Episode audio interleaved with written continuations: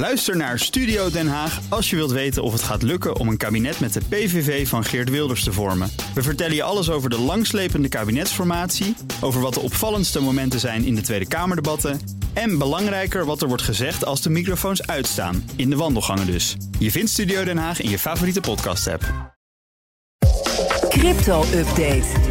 Ja, tijd is voor Herbert Blankenstein, presentator van BNR's CryptoCast... ons programma over bitcoin en andere digitale coins. Herbert, goedemorgen. Goedemorgen allebei.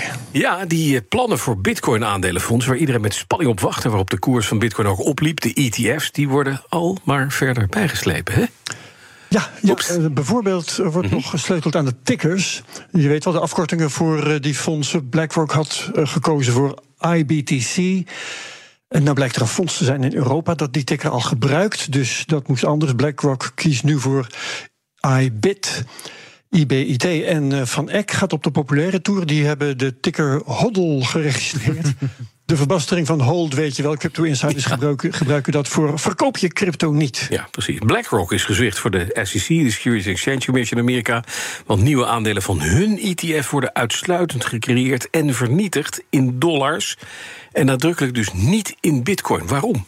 Nee, nou, dat is een beetje een ingewikkeld verhaal. Het geldt trouwens voor alle uh, ETF's. Ja. De SEC wil dit omdat anders de banken en de market makers... dat zijn de partijen die staan tussen de klanten en het fonds in... Mm-hmm. anders moeten die zich ook met bitcoins gaan bezighouden. En dat wil de SEC niet. Alleen de uitgevers van de aandelen, de BlackRocks en al die anderen dus... die mogen dat, die andere twaalf.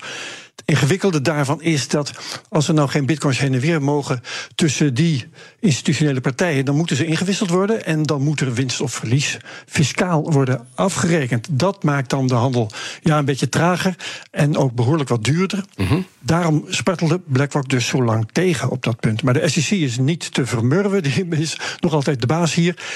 Um, in de afgelopen weken gingen bijvoorbeeld ARK en Valkyrie al om.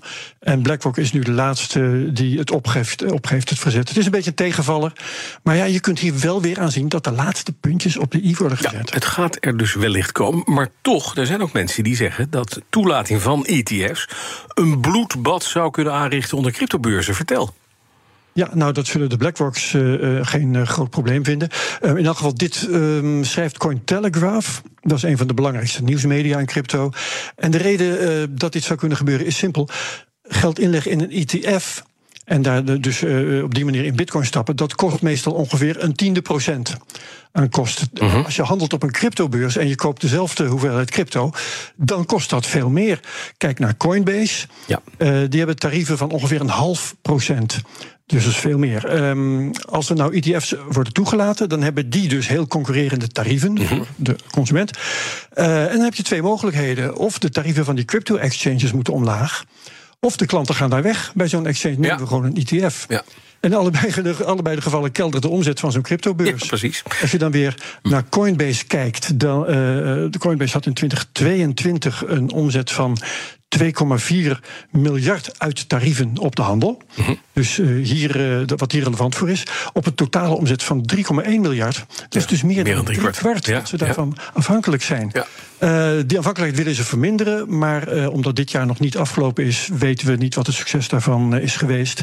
Dus ook dat kan spannend worden in 2024. duidelijk. Dan, ja, het is een beetje wat mij tot zuchten doet brengen: meme coins.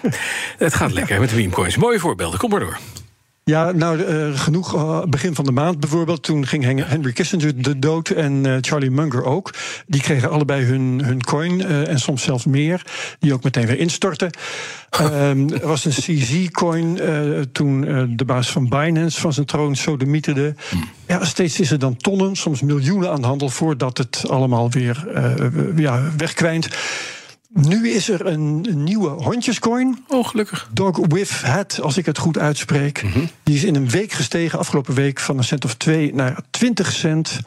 En heeft een market cap van 20 uh, miljoen dollar trouwens. Hè, dus uh, ook niet kinderachtig. Nee. Is intussen alweer een derde vanaf. Ja. Dus ja, met dit soort dingen is het heel erg uitkijken. Ja, precies. Dat bedrijf achter de meme Safe Moon heeft zelfs faillissement aangevraagd. Daar is het ook echt, ja. echt uitkijken geblazen. Zo eindigt dat ja. dus soms. Ja, precies. Uh, de, de Safe kun je nog kopen als je het mm -hmm. vindt. Dat, als je geld kwijt wil. Ja. ja. ja, als je geld graag kwijt wil.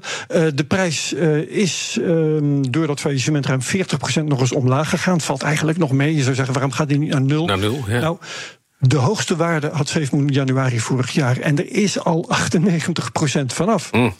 Dus of je 2% overhoudt, of 1,5% of 0, wat maakt het dan nog uit? Uh, de market cap van SafeMoon is trouwens nog wel bijna 30 miljoen dollar. Um, uh, ja, twee jaar geleden was dat dus anderhalf miljard. Ja.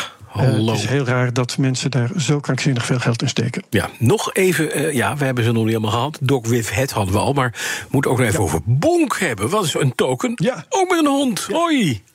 Ja, naast Dogecoin en Shiba Inu en Floki en noem ze allemaal maar op. Ja. Weer een token, ook met een waanzinnige prijsstijging in een hele korte tijd. Bonk is gebaseerd op de, uh, het succesvolle protocol van Solana. En Solana is intussen de vijfde coin qua market cap. Dus mm. hou die in de gaten, dat is echt wat. Ja. Maar Bonk is een ander verhaal. In drie weken vertienvoudigd in prijs. In de afgelopen zes dagen is daar alweer ruim 30% vanaf. En het mooiste verhaal rondom Bonk is wel de Solana-telefoon. Daar kreeg je gratis een hoeveelheid Bonk-tokens bij. Mm. En alleen al daardoor, door die bonktokens in de deal, steeg de prijs van die telefoon in de afgelopen weken tot maximaal 5000 dollar. Alleen maar om die tokens. Ja. En het alleridiootste was wel dat als je uitrekent hoeveel die tokens in die telefoon waard waren, dan was dat 700 dollar. Dus de prijs van de telefoon was een veelvoud van de waarde van die tokens. Dus dwaasheid in het kwadraat. Ja. Echt ongelooflijk. De moraal van het verhaal is dus: pas op wat je doet in crypto. Pas dubbel op met tokens waar je nog nooit van hebt gehoord. En pas driedubbel op als er een hondje in voorkomt. Dat is hele fijne. Dat, wat zit er in de CryptoCast deze week, Herbert? Een hele bijzondere gast. Ik noemde Coinbase al. Um, Coinbase uh, is naar Nederland gekomen.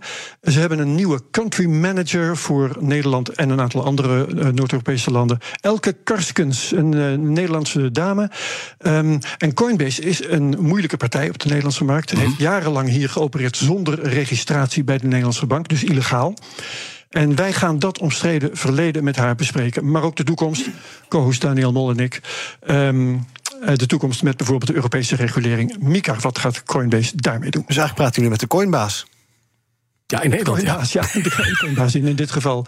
Jazeker. Ja, dankjewel. Herbert Blankenstein, alle afleveringen van de CryptoCast te horen via de BNR-app. Helemaal zonder hondjes, altijd prettig.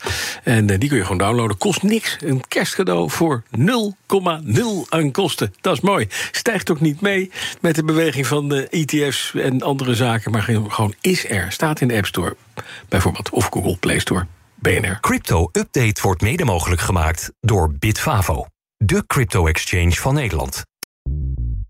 Bij BNR ben je altijd als eerste op de hoogte van het laatste nieuws. Luister dagelijks live via internet. Bas van Werven. En heel langzaam komt de zon op rond dit tijdstip. Je krijgt inzicht in de dag die komt op BNR, het Binnenhof in Nederland en de rest van de wereld. De Ochtendspits. Voor de beste start van je werkdag. Blijf scherp en mis niets.